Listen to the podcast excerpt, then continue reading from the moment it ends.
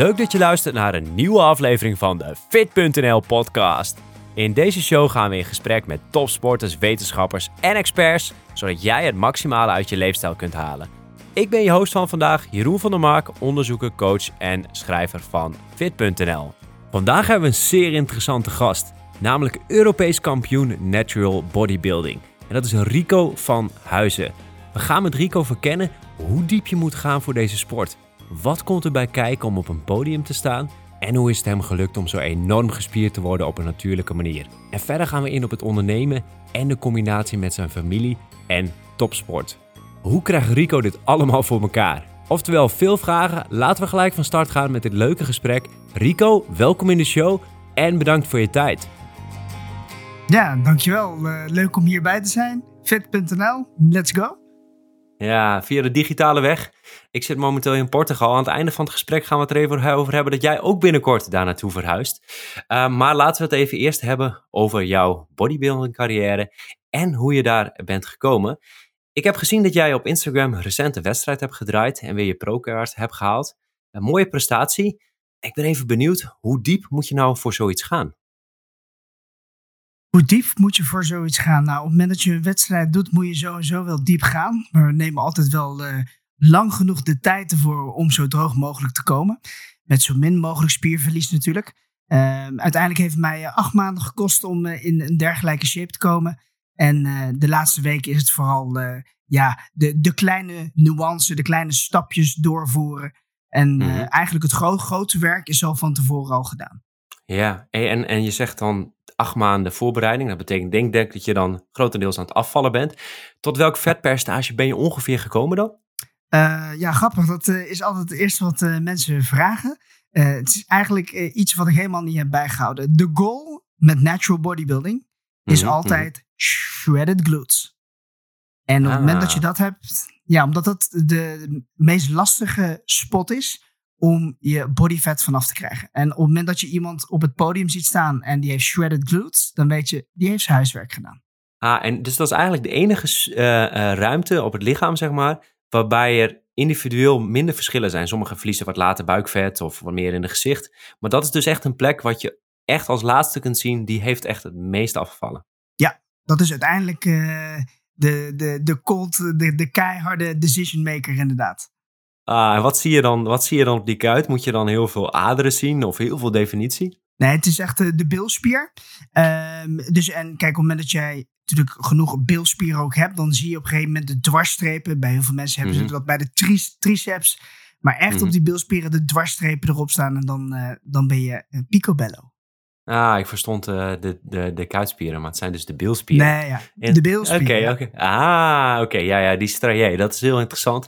hey, en um, als we nu even kijken van hoe, hoe diep moet je nou voor zoiets gaan? Want volgens mij ging het jou nog redelijk gemakkelijk af. Sommige mensen moeten er echt afzien. Of is dat voor jou ook wel een beetje het geval? Of komt het omdat je gewend bent eraan? Nou, um, in principe wat de meeste mensen doen, is dat zij um, in het begin heel langzaam gaan in een mm -hmm. voorbereiding. En vervolgens in de laatste weken komen ze erachter, ik moet in één keer heel snel heel veel afvallen om in shape te gaan komen. Nou, mm -hmm. dat is een perfect recipe om veel spierverlies te gaan realiseren. Iets wat je compleet niet wilt. Dus wat heeft mijn coach gedaan? Die zegt altijd: nee, juist op het moment dat je nog genoeg body fat hebt op je lichaam, dat is het punt wanneer we het hardst gaan trekken. En dat is heel zuur, want je gaat gelijk prep starten met heel laag in calorieën. Maar ah, je hebt genoeg. Dus je begint heel hard. Je begint heel hard. En want we weten ook namelijk dat de meeste mensen spier verliezen aan het einde van hun prep. Dus daardoor dat wil je weer tackelen. Dus in het begin ga je hard. Merendels van het vet ga je weghalen. En aan het einde van de prep zelf, dan ga je weer rustig omhoog eten. Dus je wilt eigenlijk ver van tevoren klaar zijn voor, met de wedstrijdvoorbereiding. En dan de rate of loss, waar gewichtsverlies, vertragen. Dus dat is de kunst. Ah. Ja, en wat, waar moeten we dan aan denken? Ga je dan eerst bijvoorbeeld 750 of 1000 calorieën onder je onderhoud eten en dan uiteindelijk maar 250 calorieën? Zoiets? Uh, nou, ik, ik heb het helemaal ten eer, in eerste instantie aan mijn coach overgelaten. Dus dat, uh, ja, daar ja, heb ik helemaal, helemaal niet aan gedacht. Uh, maar op een gegeven moment zat ik wel echt op een laag niveau van uh, om en bij 1900 calorieën. Ehm, En vervolgens voor een lange tijd op 130 gram koolhydraat. Waarvan ik ook zei van, jeez, coach, wat doe je me nou? Ehm, maar op een gegeven moment, toen waren we waar we wouden zijn. En op een gegeven moment gingen we weer omhoog. En het grappige was dat we erachter kwamen dat mijn metabolisme zo adaptief was. Dus Mm. mijn lichaam kan het heel goed doen met heel veel eten. Maar mijn lichaam kan het ook heel prima doen met heel weinig eten. Dus zeer efficiënt. Ah. Ja, maar dat is heel interessant, want dit is een compensatiemechanisme wat we best wel vaak terugzien. Ook eh, bij mensen, de Hadza-verzamelaars, zeg maar, de, de, de, de mensen in Afrika. En die bewegen veel meer dan wij, maar het lichaam gaat dan op een gegeven moment zo efficiënt bewegen en zo efficiënt met voeding om, dat ze eigenlijk energie sparen als gevolg daarvan. Dus ik denk dat jij eigenlijk een, een mooi voorbeeld daarvan bent. En, en er zijn ook mensen die het omgekeerde hebben en daardoor ook makkelijker aankomen in gewicht. En ook bijvoorbeeld eerder overgewicht en obesitas ontwikkelen. Dus jij bent inderdaad een efficiënt persoon, maar niet alleen wat betreft dat, maar ook eh, over, met andere dingen. Maar daar gaan we het straks over hebben. Ehm, Yes. hey, hey, als we nu kijken, want jij hebt ook een hele periode, heb je geen wedstrijden gedaan, geen, geen bodybuilding. Nu ben je weer echt wedstrijden mee gaan draaien. Je hebt een pro-kaart gehaald, dus dan kun je ook internationaal meedoen met wedstrijden. Volgens mij ben je Europees kampioen geworden, dat klopt toch? Ja. Ja, gefeliciteerd. Hey, en wat, wat maakt Dank dat je. je weer terug bent gekomen om dat te gaan doen? Goeie vraag. Ehm, in 2015 had ik een documentaire gemaakt, I'm Natural Bodybuilder. En daarbij was ik eigenlijk een van de eerste. En toen had ik al gezegd toen de tijd van, joh, er komt de tweede aan. En er waren heel veel mensen die zeiden, oké, wanneer gaat het plaatsvinden? Nou, op een gegeven moment in 2017 raakte ik het een beetje kwijt, de liefde voor de sport. Toen ging ik vier maanden crossfitten. Crossfitten, vervolgens 2018 kreeg ik mijn eerste kindje. En toen was het natuurlijk helemaal eh, alles over, overstag. Hè? Helemaal niet meer trainen, lekker dik worden, noem het maar op. Vreten wat alles los en vast zat. Ja. Je was En, 90 eh, kilo, hoorde ik van je vriendin. Dat klopt toch? Echt een beetje een buffel. Ja, ik was, eh, ik was een buffel, ja. Ja. En, nu, en nu op wedstrijd, op de, west, op de wedstrijd was je? Ik ben dit keer op mijn wedstrijd op mijn laagste op eh 68,7. Wow, wat een verschil, hè? Maar ik voelde me ook echt belabberd op 90 kilogram, kan ik je vertellen. Ehm, en op een gegeven moment ben ik het toch weer gaan oppakken. 2019, eind 2019 begon ik weer eh, met de prep. Om Mhm. voornemens dan weer de wedstrijden te gaan doen. En de tweede documentaire te gaan filmen. Maar toen kwam Ah. dus eh, corona. Corona, ja, precies. Ja, en eh afijn, weer stoppen met trainen. Want thuis dacht ik echt van, ja, wat ben ik hier toch aan mijn godsnaam aan het doen met al die elastieken. en ehm, op een gegeven moment, toen alles weer open ging, weer begonnen. En toen ben ik echt volop gegaan. Dus dat is Ja. eigenlijk, eh, I was waiting for the perfect time. Ja, en als we nu kijken naar, je traint al lang, hè? Je zit, dat draait al heel lang mee. Wat maakt dat je nu anders traint? Hoe kijk je nu anders tegen training aan? Je wordt zelf gecoacht, dus dat vind ik ook wel leuk om even over te hebben. Wat jou dat als voor inzicht geven. Maar allereerst, wat doe je nou precies anders dan tien jaar geleden? Het grappige is ehm, dat ik elke vijf jaar wel een moment heb. Dat ik mezelf op een YouTube-video heb horen praten. Dat ik zei: wat heb ik daar in godsnaam gezegd? Dat klopt helemaal meer, Rico van Huizen. En dat is elk vijf jaar weer, want de informatie verandert. De kennis verandert. Ehm, het blijft doorgaan. Geef eens een Dus, voorbeeld. eh, Geef eens een voorbeeld. geef eens een voorbeeld. Ja, eh, dat ik bijvoorbeeld zei van... ehm, nou, laten we eerst eens beginnen. Überhaupt, ik was eh, compleet, eh, geloofde erin dat je helemaal schoon moest eten.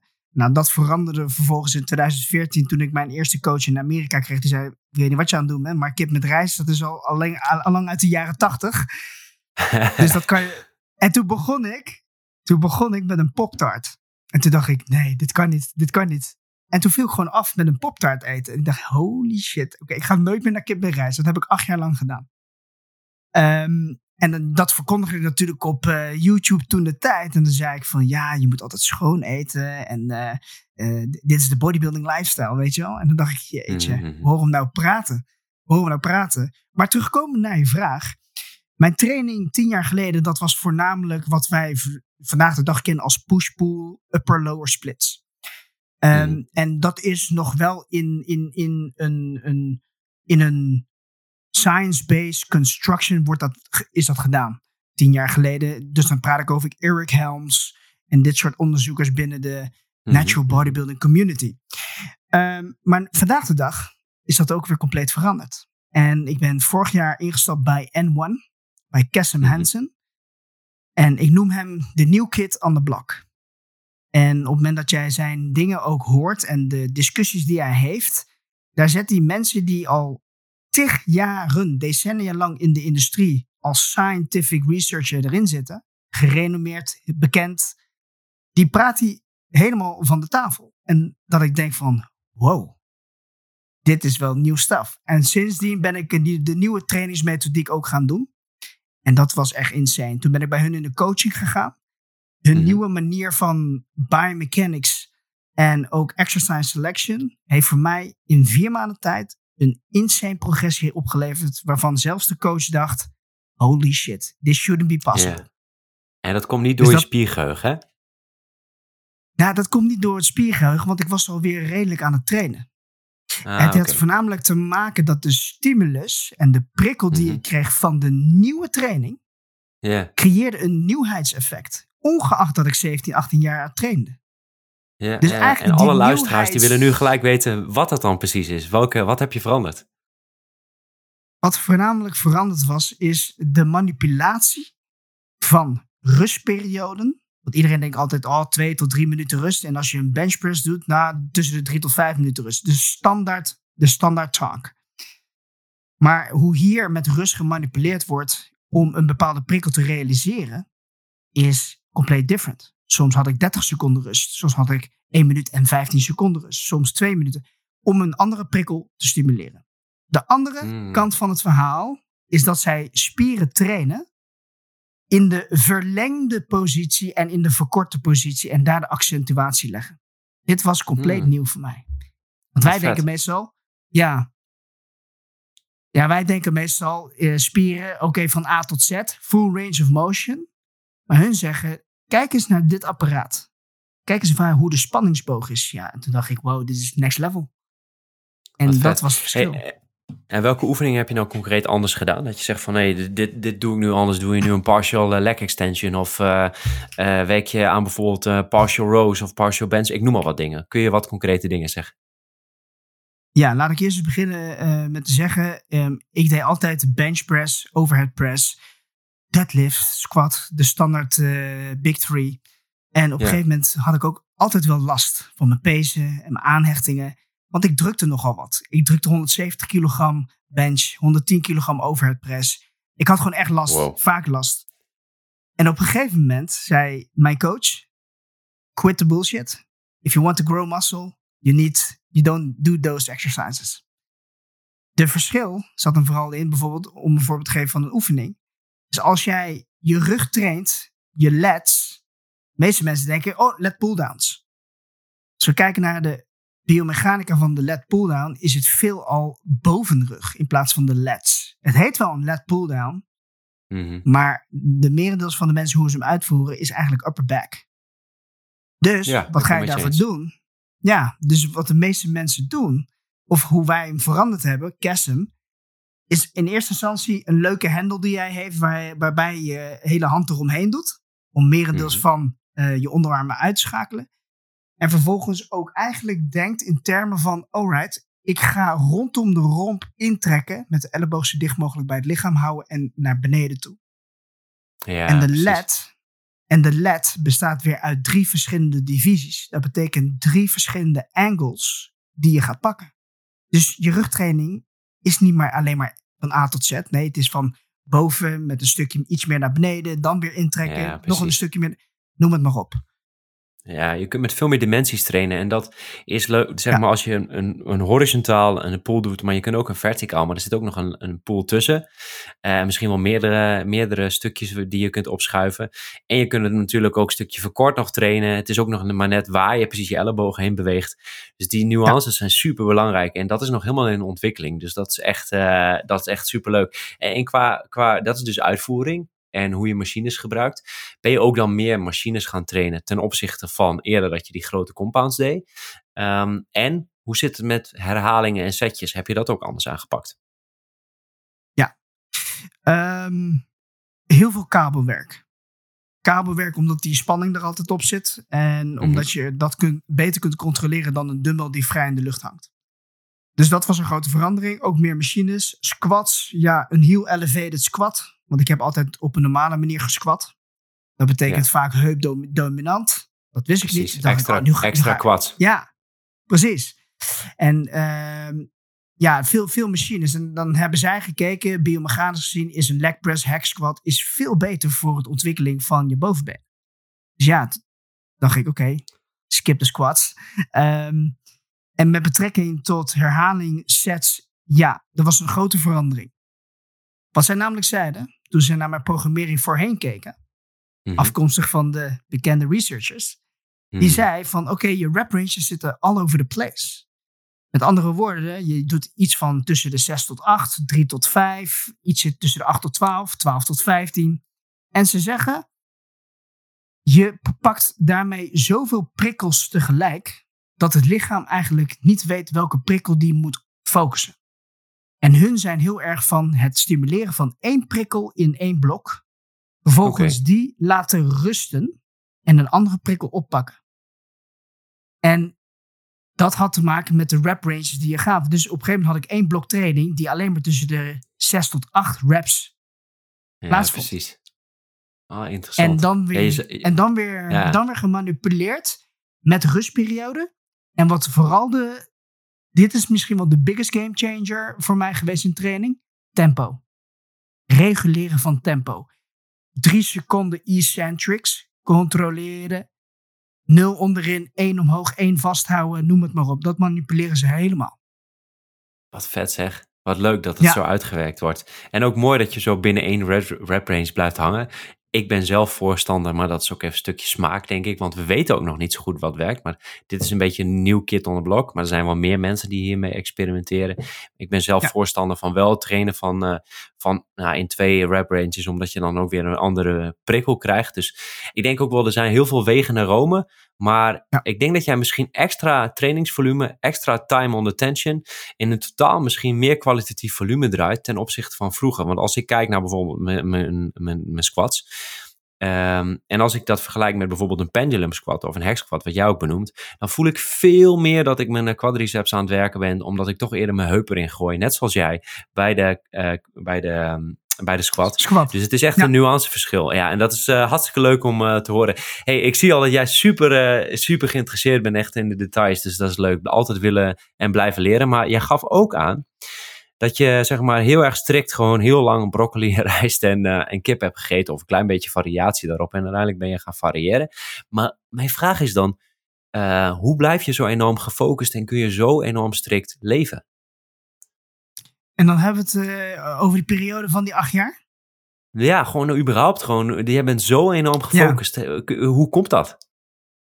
Um, Oké, die, die laten we eerst hebben over de eerste acht jaar kort. Uh, dat was gewoon yeah. Rico van Huizen, verstand op nul. Jij bent nu een bodybuilder, jij doet wedstrijden. En alles wat die coach destijds zei, ga je gewoon doen. Tot op het punt dat ik zelfs havermoutshakes met tonijnblikjes met elkaar ging mixen. En olijfolie in dat met water ging wegdrinken in de klas. Insane. Maar dezelfde discipline, dat was wel goed om discipline op te bouwen. Dus dat heb ik zo en zo geleerd. Maar nu, ik ben zo flexibel met mijn eten.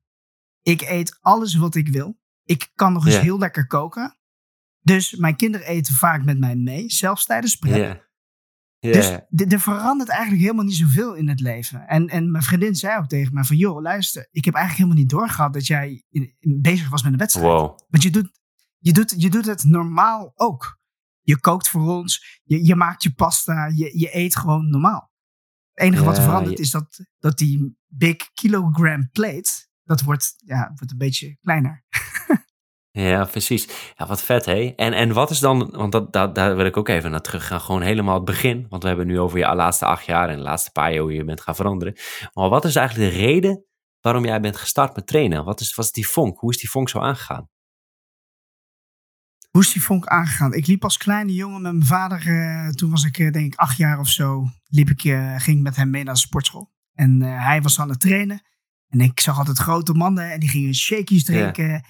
Hm. En ik ging ook een beetje aan het kleine ijzer trekken als kleine jongen. En op een gegeven moment lieten me ongeveer op 11, 12-jarige leeftijd lieten mij Pumping Iron zien. Van Arnold Schwarzenegger. Ah. Yes. En toen dacht ik, mama, papa, zo wil ik worden. En ik kende hem natuurlijk van Terminator en alles. Dus ik dacht, oh, dat is mijn hero. Dus daar, dat was eigenlijk de vonk, maar die heeft mij niet doen starten. Die heeft alleen dat zaadje geplant. En toen op 15-jarige leeftijd stopte ik met al het sport wat ik uh, toen deed. Ik heb taekwondo gedaan, zwarte band gehaald, voetbal deed ik er ook nog naast. Uh, kickboksen, thai-boksen. En 15 jaar stopte ik met alles. Half jaar niks gedaan. En op een gegeven moment dacht ik, ik ga, moet wel iets doen. Want ik ben een sportman in hart en nieren.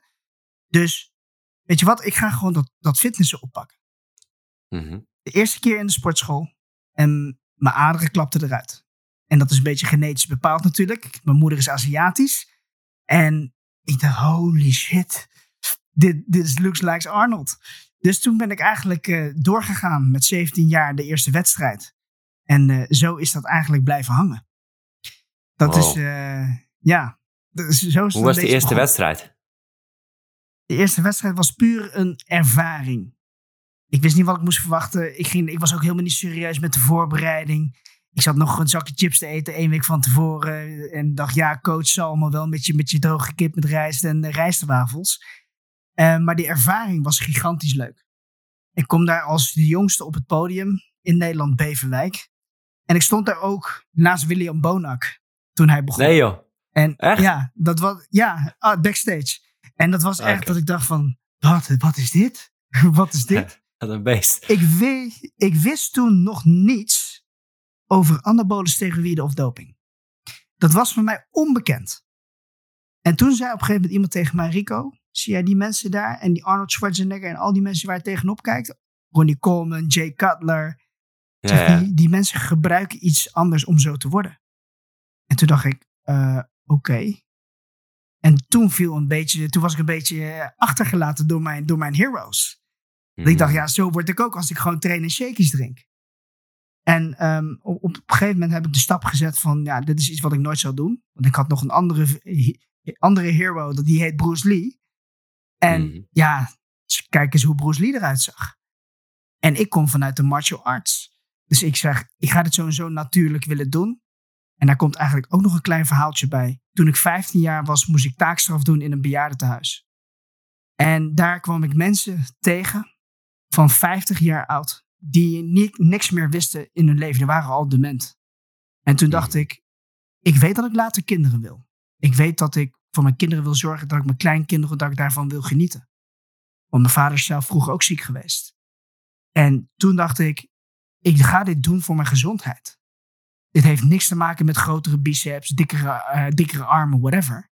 Dit heeft puur te maken dat ik zo oud en gezond mogelijk, eh, eh, ja, dat zo gezond mogelijke manier wil doen en doorstaan. Puur en alleen zodat ik met mijn kleinkinderen straks lekker een balletje kan trappen in plaats van de zijlijn, zijlijn kijken in een rolstoel. Dat is mijn doel. Ah, en dat is ook de reden waarom je dan natural bent gebleven. Absoluut. Het is nog nooit in mijn hoofd voorgekomen. Ik heb die vraag laatst gekregen. Heb je ooit nagedacht om, om misschien ooit iets te gebruiken? Ik zeg nee, nooit. Want mijn doel is veel groter dan, dan een geleend pak. Dan maar... en, en heel eerlijk, voor mijn gevoel voelt het als cheaten naar mezelf. Het is niet, het is niet op een eerlijke manier verdiend. En ja, de meningen zijn erover verdeeld natuurlijk, maar dat is hoe ik er tegenaan kijk. Voordat we verder gaan met deze aflevering, wil jij sterker worden, meer spiermassa opbouwen en effectief trainen met een plan dat bij jou past? En zie je door de bomen het bos niet meer? Al die informatie over training en voeding. Wat werkt nou echt? We snappen dat dit lastig is en dat je meer een plan wil dat bij jou past. FitPro is de oplossing die jij zoekt. Wij selecteren een trainingsplan dat bij jou past, bij jouw doel en niveau. Of je nou thuis of in de gym wilt trainen. Zo weet jij zeker dat je het maximale uit je training haalt. Daarnaast krijg je toegang tot onze cursussen om alles te leren over training, voeding en gezondheid. En heb je vragen? Stel ze in de Fit Community. Daar staan onze coaches en andere leden klaar om jou te helpen. Ben je benieuwd? Start gelijk met Fit Pro. Ga naar fit.nl/pro voor meer informatie of check de link in de show notes. Nu terug naar de aflevering. Ik denk dat mensen die, die bijvoorbeeld in de niet-natural bodybuilding wereld meelopen, ook keihard werken en was net zo hard werken als jij, want dan moet je ook, dat is ook gewoon eh, topsport. Eh, Ja. Maar dat is gewoon een ander, andere divisie en dat is ook knap. Ehm, het is misschien niet het meest gezond. Maar ik denk dat best wel wat mensen van ja, ik krijg best wel vaak de vraag ook van mensen bij mij. Dat ik, ik wil niet zeggen dat ik een maximaal potentieel heb gehaald, maar qua natuurlijk, maar wel echt daar in de buurt begint te komen, dat mensen me best wel vaak vragen wat gebruik ik en zo. En dan uh, zie ik dat altijd als een heel mooi compliment. Heb jij dat ook wel eens of niet? Uh, ja, maar ik heb ook de andere kant uh, meegemaakt. Waarbij mensen ehm, complete verhalen hebben verzonnen. Dat ze mij hebben zien lopen met een plastic zakje. Dat ik met spulletjes ergens naartoe liep. En ze hebben het mij zien injecteren bij mezelf of door iemand anders. Ik heb dat soort verhalen ook letterlijk en figuurlijk gehoord van andere mensen. Insane. Ah, hoe ga je daarmee dus om? Hoe ga je daarmee om? Ja, ik, eh, heel eerlijk, die mensen heb ik persoonlijk benaderd. Ik zeg, als je iets te vertellen hebt, zeg het tegen mijzelf. Als je iets te vragen hebt, vraag het aan mij. Zeg maar, we gaan geen verhaaltjes verzinnen. Maar de rest die daar met ongeloof naar kijkt, ja, ik kan daar niks aan doen. Ik weet wat ik zelf daarvoor gerealiseerd heb. En ik ben me heel erg bewust dat niemand ook 24-7 bij mij is om te kijken wat ik doe. Dus het hmm. gaat uiteindelijk om hoe zit ik er zelf in. En ja, ik, ik, laat het van me afglijden. Ik, ik, ik, zie het als een compliment. That's it. Ja, hey, en, en heb je nou het gevoel dat je jouw maximale potentieel behaald hebt? Dat blijft natuurlijk altijd een beetje gissen, maar als je nu nog door blijft trainen, hoeveel kun je er nog per jaar, denk je, bij gooien aan uh, kilo spiermassa? Um, ik ga heel eerlijk zeggen dat ik dacht dat ik tegen mijn uh, natural limit een beetje zat. Ja. Totdat, ik, uh, vier, totdat ik vier maanden coaching heb gehad bij N1. En toen dacht ik, holy shit, wat gebeurt hier? Um, dus eigenlijk is die vraag is, is weer een open vraag geworden. Ik ben namelijk heel benieuwd wat ik nu eruit kan halen. We hebben natuurlijk de formule van de FFMI. De Fat Free Mass Index. Waar zit je op? Heb je dat berekend een keer? ja, volgens mij zit dat rondom de 74, 75. Dus nou, daar zit ik nog redelijk vanaf. En dat is ook waarom ik zeg uh, tegen de meeste mensen die net beginnen met fitnessen. Zorg dat je het goed doet in de beginjaren. Zorg dat je het goed doet. Dat, dat, dat zijn de grote jaren waar je het kan, uh, kunt uh, groeien. Um, maar dat geloof is ook weer weg. Want ik zie wat ik in vier maanden tijd heb gedaan. Wat wat ik dacht dat niet mogelijk was. Dus ja. ik ben benieuwd wat de komende twee jaar gaat brengen. Ja, en we hebben het heel erg over training gehad, hè, wat je hebt aangepast. Maar zijn er ook dingen die je qua voeding, naast dat je gewoon wat meer gevarieerd en wat meer lekkerder bent gaan eten, maar heb je daar ook nog wat aangepast in die laatste vier maanden? Nou, ik heb de methodiek heb ik aangepast van het prep, van de prep zelf. In 2015 had ik enorm moeite en ik voelde mij een zombie. En dat had voornamelijk te maken dat ik in de ochtend een groot ontbijt had, terwijl ik niet zoveel calorieën had. En dus in de avond zat ik om acht uur al te kijken naar mijn fitnesspel. Ik denk, oké, even kijken wat ik nog over heb. Oh shit, ik heb niks Je ruimte. Ja, shit. Ik, heb, ik, heb lucht, ik, heb lucht, ik heb lucht over. Dus ik ging altijd met honger naar bed, waardoor ik dus geen goede nachtrust had. En toen dacht ik, oké, dit, dit moet echt anders. Ik voelde me echt niet oké. En op een gegeven moment in 2016 ben ik begonnen om de breakfast uit te stellen. Mensen noemen het intermittent fasting. Ik noem het gewoon, ik begin gewoon wat later met mijn ontbijt. En ik merkte, op een gegeven, ik merkte op een gegeven moment dat ik gewoon, ja, ik ben niet zo van de labeltjes geven. Vandaar dat ik gewoon zeg, joh, intermittent fasting allemaal leuk, maar ik, ik, ik eet gewoon wat later. Um, en ik merkte ook dat ik wat scherper was in de ochtend, omdat ik in, het, in de ochtend aan het werk ben. Ja. En op het moment dat ik in de ochtend een broodje ging eten, zat ik alweer bijna half in te kakken. Toen dacht ik, dit, dit ga ik gewoon blijven doordoen. Dit werkt wel. En diezelfde tactiek heb ik in de prep ook gedaan dit keer. Waardoor ik mijn eerste maaltijd om één uur pas neem, rond één uur, twee uur. En dat is gewoon een smoothie. Bevroren fruit, melk, twee scheppen whey protein. Dat, dat is qua calorieën niks. Dan ga ik de workout doen. Dan heb ik de post-workout. Dat is mijn grote maaltijd meestal. Maar dan heb ik zoveel ah. calorieën over dat het een serieus lekkere maaltijd is. En vullend. In de avond heb ik geen honger meer. En ik ga ook niet met honger meer naar bed. Waardoor ik eigenlijk, ja, een beetje honger in de ochtend, dat kan ik echt wel makkelijk overleven. Want ik ben toch wel bezig met, uh, met allerlei dingen. Dan denk ik niet aan eten. En dit was de big fix. Ja, wat goeie. Je wordt Ik, ik, zeg maar, ik begeleid dan uh, ook iemand die nog naar een shoot heeft uh, voorbereid. En dat was de eerste keer dat die persoon dat deed. En die zei, oh, ik word echt scherp hiervan. Ik merk dat het afvallen ertoe leidt dat ik wat meer scherp word. En dat kan je heel mooi combineren ook met je werk in de ochtend. Moet natuurlijk weer, iedereen reageert anders, iedereen is anders. Uh, maar die ja. persoon vond dat echt heel prettig. En ik heb het ook wel in de, in de periodes dat ik me aan het voorbereiden voor een shoot, heb ik dat ook wel meegemaakt. Dat het mij al wel echt scherp maakt. En dat kun je niet jaren blijven doen, want dan blijft er natuurlijk niks meer van je over. Uh, maar in de ochtend kun je dat perfect uh, toepassen. Door het verschuiven van tijd, uh, ja, vind ik hele mooie. En waar ik dan even ja. benieuwd naar ben, want heel veel mensen die zouden eigenlijk ook wel zoveel willen sporten en zich zo gezond willen leven en daarmee bezig zijn. Hoe combineer jij dit met, met het hebben van kinderen en een familie en, en ook gewoon werken? Zijn er bepaalde trucjes die je gebruikt of, of bepaalde aanpassingen? Uh, dat vind ik een hele lastige. Kijk, uh, niet iedereen heeft hetzelfde huishouden als, uh, als bij mij. Ik heb ja. hiernaast ook nog een hond. En die hond moet ook gewoon in de ochtend gedaan worden voordat de kinderen naar school worden gebracht. Dan weer snel naar huis, auto pakken. Moet ik naar Den Bosch toe om daar naar kantoor te gaan, drie keer in de week. En vervolgens doe ik online coaching. Dus ik ben redelijk vrij in mijn tijd, ja. Maar ik heb ook veel obligaties. Ik heb ook veel verantwoordelijkheden die gewoon moeten gebeuren. Je moet je kind ophalen, je moet dit doen, je moet boodschappen doen. Dus eh, wij in het huishouden hebben dat redelijk goed verdeeld. En dat zorgt ervoor dat die structuur er is. Dus voor mij is al duidelijk, oké, morgen ga ik zo laat trainen, punt uit. Trainen moet zo en zo gebeuren. Dat is een onderdeel, dat is net als standen poetsen. Dus um, het is voor mij niet van, oh, oh, ik ga het niet redden, dus weet je wat, ik skip het. Nee, trainen moet gebeuren, non-negotiable. Uh, en dat ga ik zo laten doen. En I just tick the boxes, that's it.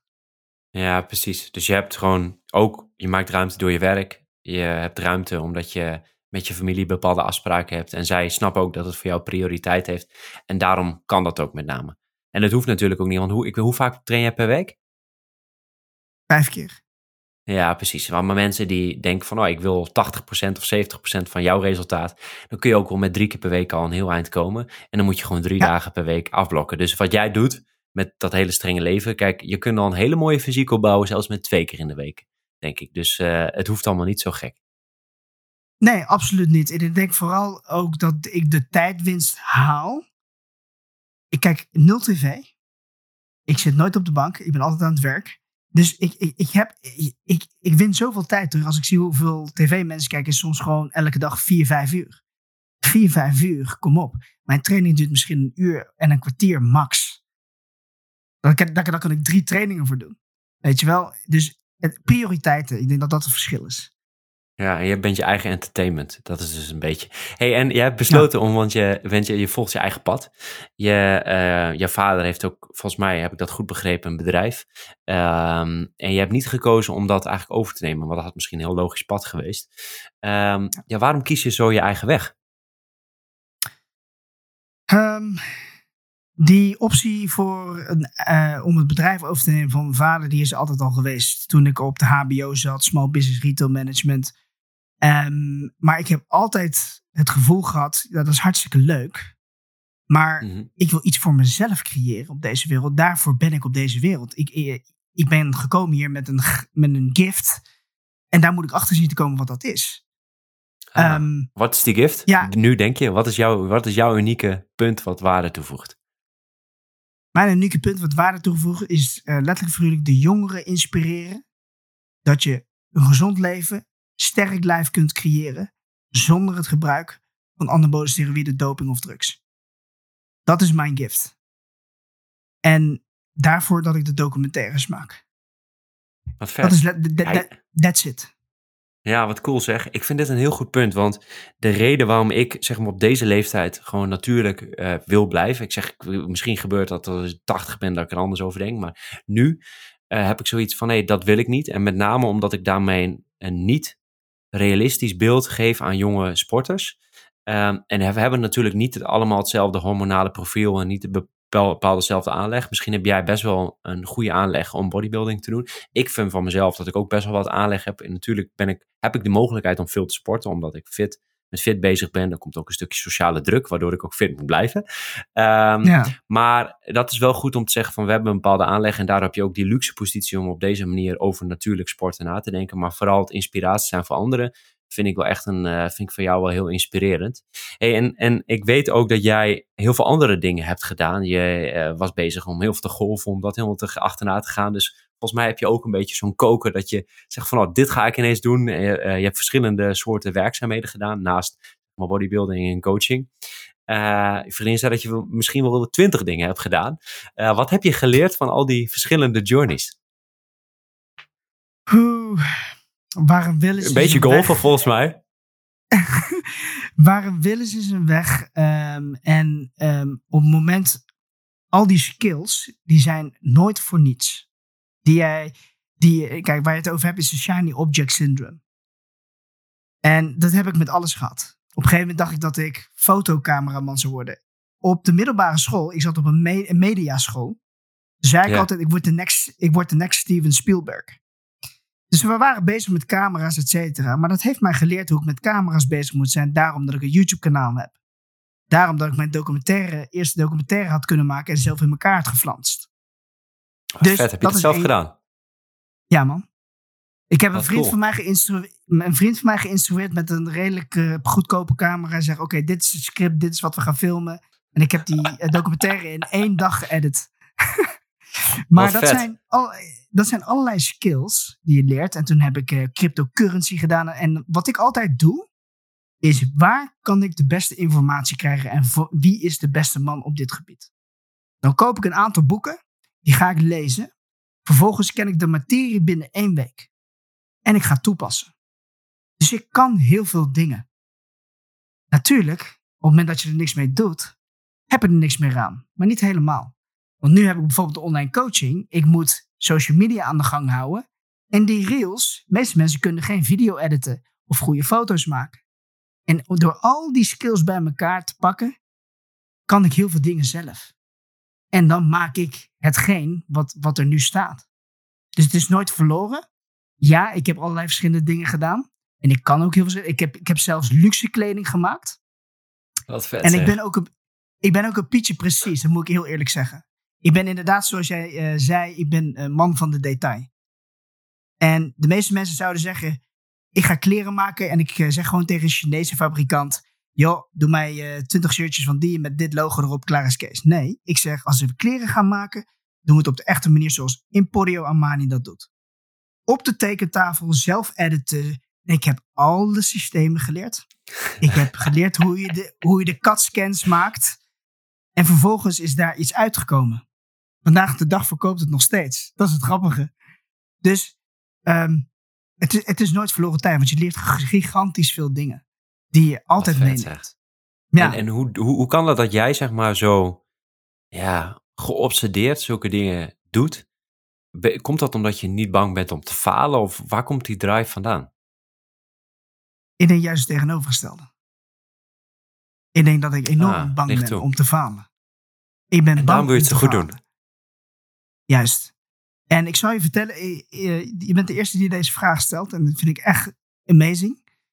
Mijn leven veranderde in 2014. Ik ga jullie vertellen met welk boek dat begon. Moment. Ja, je pakt hem erbij. Dus uh, voor de, de, de, mensen die niet kijken, gaan we hem ik, zo uh, zat, Ik zat in de coaching uh, bij 3DMJ, de beste natural bodybuilding coaches destijds uit Amerika. En dat was het punt dat, ik zei, dat ze zeiden tegen mij na acht jaar kip en rijst te hebben gegeten. Rico, wat je aan het doen bent, is, is waanzin en top. En een van die coaches was Eric Helms. En daar, leerde ik zoveel van. Daar ben ik niet door gecoacht, maar daar leerde ik wel van. Ik ben gecoacht door Jeff Alberts. Ah, vet. En toen, uh, toen kwam ik in aanraking met Alan Aragon. Ja. Ik ben naar een seminar van Alan Aragon gegaan in Engeland. En toen dacht ik, ik leer hier zoveel. Toen ben ik mijn coaching gestart. Want dit was complete new information. En ik dacht, wow, zo werkt het dus. Nu weet ik echt veel. Maar het begon allemaal bij dit boek. Bij Tom Venuto. Burn the Fat, Feed the Muscle. Nou, wil niet zeggen dat dit een topboek is. Nee, het gaat erom dat doordat ik ging lezen waar ik een hekel aan had. Doordat ik ging lezen en zag hoe informatie mij helpte. In de zin van dat ik andere mensen nu kon helpen en coachen.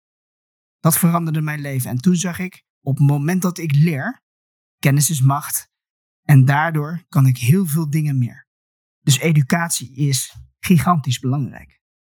Oh, wat vet zeg. Dat is, leuk. Leuk, leuk om te horen ook door wie je bent gecoacht en dat je dat ook echt doet. Het is ook een stukje kwetsbaar zijn en dat willen doen. We hebben trouwens Ellen Aragon ook een keer in de podcast gehad. Uh, een keer een artikel met hem gepubliceerd.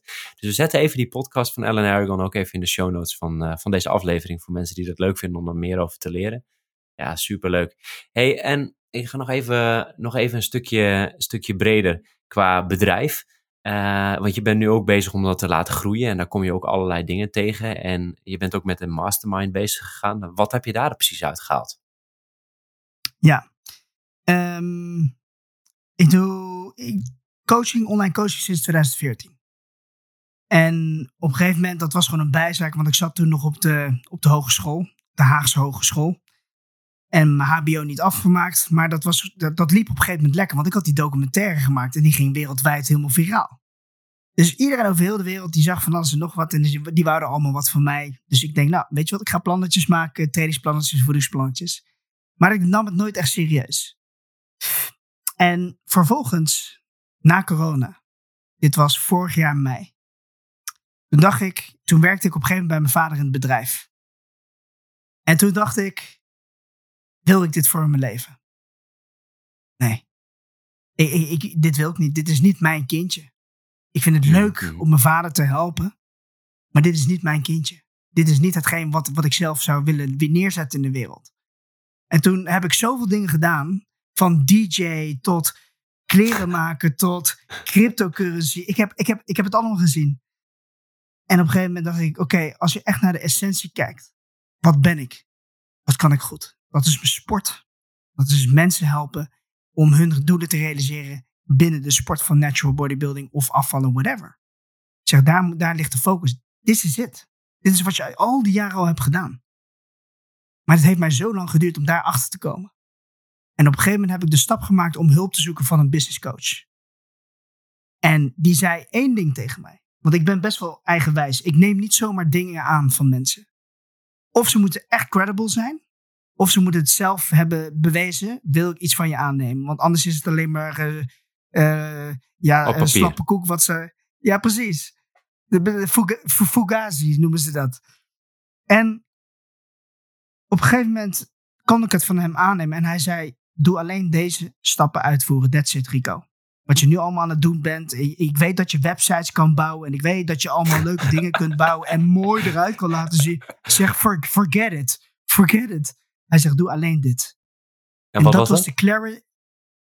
Dat was letterlijk en figuurlijk dat ik een aantal social media posts moest doen op een manier die tractie ging veroorzaken, waardoor mensen interesse hadden in hetgeen wat je aan, had aan te bieden. En toen dacht ik, ja, dat kan er niet. Dit bestaat niet. Dus ik had een limiting belief. En op een gegeven moment dacht ik, weet je wat, ik doe het gewoon. En er komen 15 aanmeldingen binnen. En ik dacht, holy shit, en hier heb ik dus acht jaar lang op gewacht en proberen zelf het wiel uit te vinden. En toen, toen zag ik ook weer, wees kwetsbaar, vraag om hulp bij anderen. Want als je het wiel zelf opnieuw gaat uitvinden, man, dat gaat je zoveel tijd kosten en energie. Ja, en je leert er wel veel van. Is, uh, ja, gigantisch. Maar het is vooral risico nemen hoor, moet ik ook eerlijk zeggen. Want ik, heb, ik, ik kon die stap eigenlijk niet zetten, maar ik had hem wel gezet. Om bij, bij hem in te huren als business coach. En ik had een kleine kind en verantwoordelijkheden, maar het zijn vaak die risicovolle stappen die je neemt, die je echt, die echt een grote stap vooruit brengen. Um, en sindsdien Wat heb je veranderd in je eh, communicatie? Wat heb je precies veranderd in die berichten ten opzichte van eerder? Wat maakt dat je opvalt? Ik had sowieso al een sterk verhaal. En dat was namelijk, ik doe naturel bodybuilding en dit is wat ik doe. En ik eet op een manier die meeste mensen niet eens kunnen bevatten. Want als ze zien dat ik pizza's aan het eten ben terwijl ik in een wedstrijdvoorbereiding zit. Of een, uh, een steak van 1,4 kilo één week voor de wedstrijd. Dat is ondenkbaar. Dus dat is al heel apart. Maar ik probeer wel uit te leggen waarom dat is. Dus dat is al een onderscheidende factor. Dus doordat al die mensen mij volgen, zeg ik uiteindelijk van... hey, heb jij gewoon hulp nodig? vraag het, weet je wel. Steek je vinger op. En dat, dat laat ik of door middel van een post zien waarin ik uh, mensen zeg van, joh, uh, ik ben op zoek naar iemand die wil afvallen. Want mensen nemen vaak de eerste stap zelf niet. Het moet letterlijk op een billboard voor hun gezicht staan. Willen ze actie ondernemen? Helaas is dat zo. En, maar ik weet dat ik die mensen kan helpen. En dat was eigenlijk het enige. Want, want ik maakte alleen maar posts van: hey, dit keer, uh, ik heb vandaag biceps getraind, man. Ja, nobody cares. Maar een stukje waarde delen, waar iemand wat aan heeft. En vervolgens bij jou terugkomt en zegt: hey, daar had ik echt wat aan. Kan je me helpen? En dat is een andere manier van communicatie. Dus veel meer op die waardevolle posts gaan zitten. Mooi. En ook durven een product aan te bieden en zeggen van hé, hey, dit doe ik en hier kan ik je mee helpen. Want vaak hebben die mensen die nudge nodig. Dus uh, ja, super interessant. We hebben echt heel veel besproken. Hè? De meeste topics die, uh, die ik interessant vond, uh, die hebben we eigenlijk, zijn we eigenlijk al bij langs gegaan. Maar er is één ding wat steeds nog bij mij naar boven komt. Jij zei eigenlijk natural bodybuilding is gezond. Geloof jij nou ook dat jouw manier van heel extreem ja, weer zwaarder worden en dan weer een stukje afvallen en zo intensief sporten. Heb jij het idee dat je nu gezonder bent dan iemand die bijvoorbeeld drie keer per week en gewoon iets rustiger aan doet? Wat is jouw perspectief daarop? Ik uh, kan niet spreken voor de mensen uh, die drie keer in de week trainen en dat niet mhm. zo intensief doen. Want ik, ik, ik doe het zelf namelijk wel. Dus ik weet, ik weet de andere kant niet. Wat ja, ik wel maar heb je het gevoel dat je je spullen, dat je je spieren overused of dat je het een bepaalde pijntjes of bijvoorbeeld uh, richting een uh, lichte hernia, ik, ik noem even wat dingen. Um, zijn er ook nadelen van, van je lichaam zo zwaar belasten? In de oude manier van trainen, zoals ik had verteld uh, in ons gesprek met die push-pull legs, met die compound oefeningen, ja. Ja. Sterker nog, ik heb bijna chronisch last van mijn kniepezen. Komt ook door het skateboarden, dat heb ik ook nog gedaan. Uh, en skaten en BMX'en, noem maar op. Maar, sinds N1. Ik train altijd met knee sleeves. Want anders durf ik met benentrainingen niet te doen. Want dan wist ik alweer, oeh, mijn patella pace gaat pijn doen.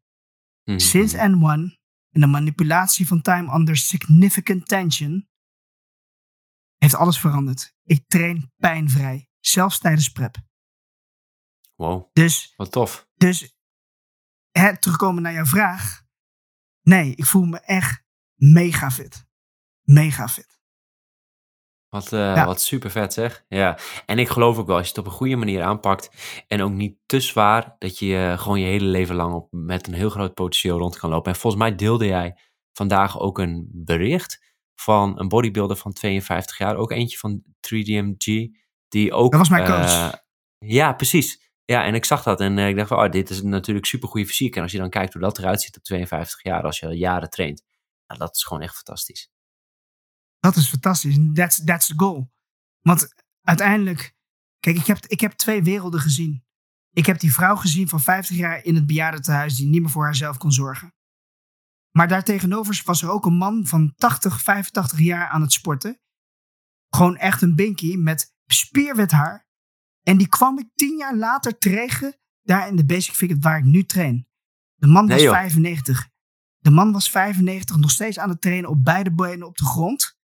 En nog steeds gewoon voor zichzelf zorgend gewicht aan het heffen. Ik zeg, dat ben ik later. En daarin zie ik de verschillen. Dus alhoewel ik nu niet kan zeggen van, joh, ben je, nou, voel je nou fitter of niet? Ik weet wat die end goal is. Ik wil met 95 jaar nog steeds kunnen lopen. Mooi, mooi doel. Mooi, mooi, mooi, mooi eind ook van de podcast. Maar ik ga je nog even vragen of jij nog zoiets hebt van... hé, hey, dat had ik nog willen bespreken. Dat vind ik nog belangrijk om de luisteraar mee te geven. Um, ik, ik ben dankbaar dat ik op deze podcast mag zijn, uh, Jeroen, sowieso. Um, ja, en ik wil de jou. ook... um, wat, wat, wat ik zeker ook de mensen zou willen aanraden om te kijken... is kijk de documentaire die eraan zit te komen. Want wij zijn een hele bijzondere documentaire aan het maken. De 2.0 van de I'm Natural Bodybuilder. We gaan hem lanceren op 1 januari. Dus iedereen met zijn beste wensen voor het nieuwe jaar. We gaan komen. En dan ga je echt, echt een goede blik krijgen van wat het inhoudt. Dus dat is. Uh... En voor de rest hebben we denk ik alles wel een beetje besproken. Ja, we hebben één ding gemist. We hebben één ding gemist. Dat is, ja, de consistent is een heel belangrijk punt. Gewoon consistent trainen en met voeding bezig zijn. Maar we hebben één ding gemist wat we aan het begin zeiden. Is dat jij, uh, want dan, moeten we het nog, dan moeten we het ook even afmaken. Is dat je naar Portugal gaat verhuizen. Dus ik ben even benieuwd uh, wat jou dat gaat brengen en waarom je die keuze gaat maken. Ja, dit, de allerbeste gym zit in Portugal, dus daarom ga ik daarheen. Nee, grapje. dat, is wel een hele goede gym. Mocht je de kans hebben bij Blackout Gym te trainen onder Lissabon, mhm. echt zeker doen. Um, mijn reden. Ik ben niet meer gelukkig in het land waar ik nu leef. En dat is een beetje de realiteit. En ik ga daar ook niet, uh, ik ga het niet mooier maken dan het is. Ik wil, toen ik daar was, um, heb ik gezien hoe mijn kinderen kinderen konden zijn. En hier kan dat niet meer, naar mijn beleving. En dat is natuurlijk subjectief. Maar zoals ik dat laatst ook in een andere podcast had laten zien, dit is mijn achtergrond voor mijn kids. Zij zijn hier oh. aan het spelen in de tuin met steentjes en bladeren. Dat is vroeger hoe ik ook was. Ik was heel veel buiten aan het spelen. Vandaag de dag zetten wij onze kinderen achter het tv-buis omdat we zo in de rush zijn van het leven. En Nederland is natuurlijk een land waarbij we heel veel. Het allemaal snel, snel, snel. Het is gewoon een hele snelle maatschappij. Je zei zelf al, ja, Portugal is heel rustig, relaxed. Er is geen haast. En qua, kijk, ik zie het leven zo. We leven maar één keer. En als ik de mogelijkheid heb om 300 dagen zon te genieten in plaats van 300 dagen regen, dan zet ik die stap voor mijn geluk, maar ook de toekomst voor mijn kinderen. Mooi. Ja, dat is een mooi, ja. uh, mooi doel. Ik, uh, ik moet het, ben het wel met je eens. En ik ben dan, uh, ik ben momenteel in Portimao. Dat is dan in de Algarve. Even dat twee weken proberen. Even, even een beetje kijken hoe de sfeer is. Maar ik merk wel inderdaad dat het levenstempo wel een stuk lager ligt. In Nederland wordt wel gehaast. En ik merk ook dat er steeds meer divisie is tussen bepaalde mensen. En die negatieve energie. En, maar misschien is het als buitenlander, als jij dan in Portugal bent, kun je dat niet zo goed uh, voelen. En je hebt ook een bepaalde luxe positie, hè, als werk online en, en dat op die manier ja, bekijken. Dus dat maakt ook dat je wel veel meer uh, vrijheid hebt. En dat jij daar nu naartoe hebt kunnen werken na zoveel jaar, geeft je natuurlijk ook die mogelijkheden. En er zijn natuurlijk ook altijd heel veel nadelen. Gras wat groener. Toch ook uh, daar zul je wel weer tegen dingen aanlopen. Maar goed, dat gaan we misschien in de volgende podcast doen. Als we, we zetten trouwens even de, de, de toekomstige video Um, zetten we dan in, die, die zetten we er nog even bij voor de luisteraar die dit later luistert, kunnen ze dat bekijken. Ja, ik wil je heel erg bedanken, uh, Rico. Ik vond het een superleuk gesprek, heel waardevol, veel van geleerd. En uh, ja, ik wil je een hele fijne avond en een goede nacht terug wensen. Jij ook bedankt. En ik ga zeker na het heerlijke KFC-maaltijdje mijn ogen sluiten. Leuk dat je hebt geluisterd naar deze aflevering. Wil je meer informatie? Bekijk de show notes voor alle linkjes naar de artikelen en besproken boeken. En voordat je de show uitzet, nog even twee huishoudelijke dingen. We zouden het super leuk vinden als je een review achterlaat via iTunes. Steun de show door een geschreven tekstrecensie achter te laten via iTunes of een review met sterren via Spotify. En vind je deze aflevering waardevol? Deel hem dan met familie en vrienden via WhatsApp of via andere social media. Zo kunnen wij nog meer mensen in Nederland helpen met tips om hun leefstijl en gezondheid te verbeteren. Als je dit hebt gedaan, super bedankt hiervoor namens het hele team. We zijn hier heel dankbaar voor. Dit was hem voor vandaag. Thanks voor het luisteren en tot bij de volgende aflevering.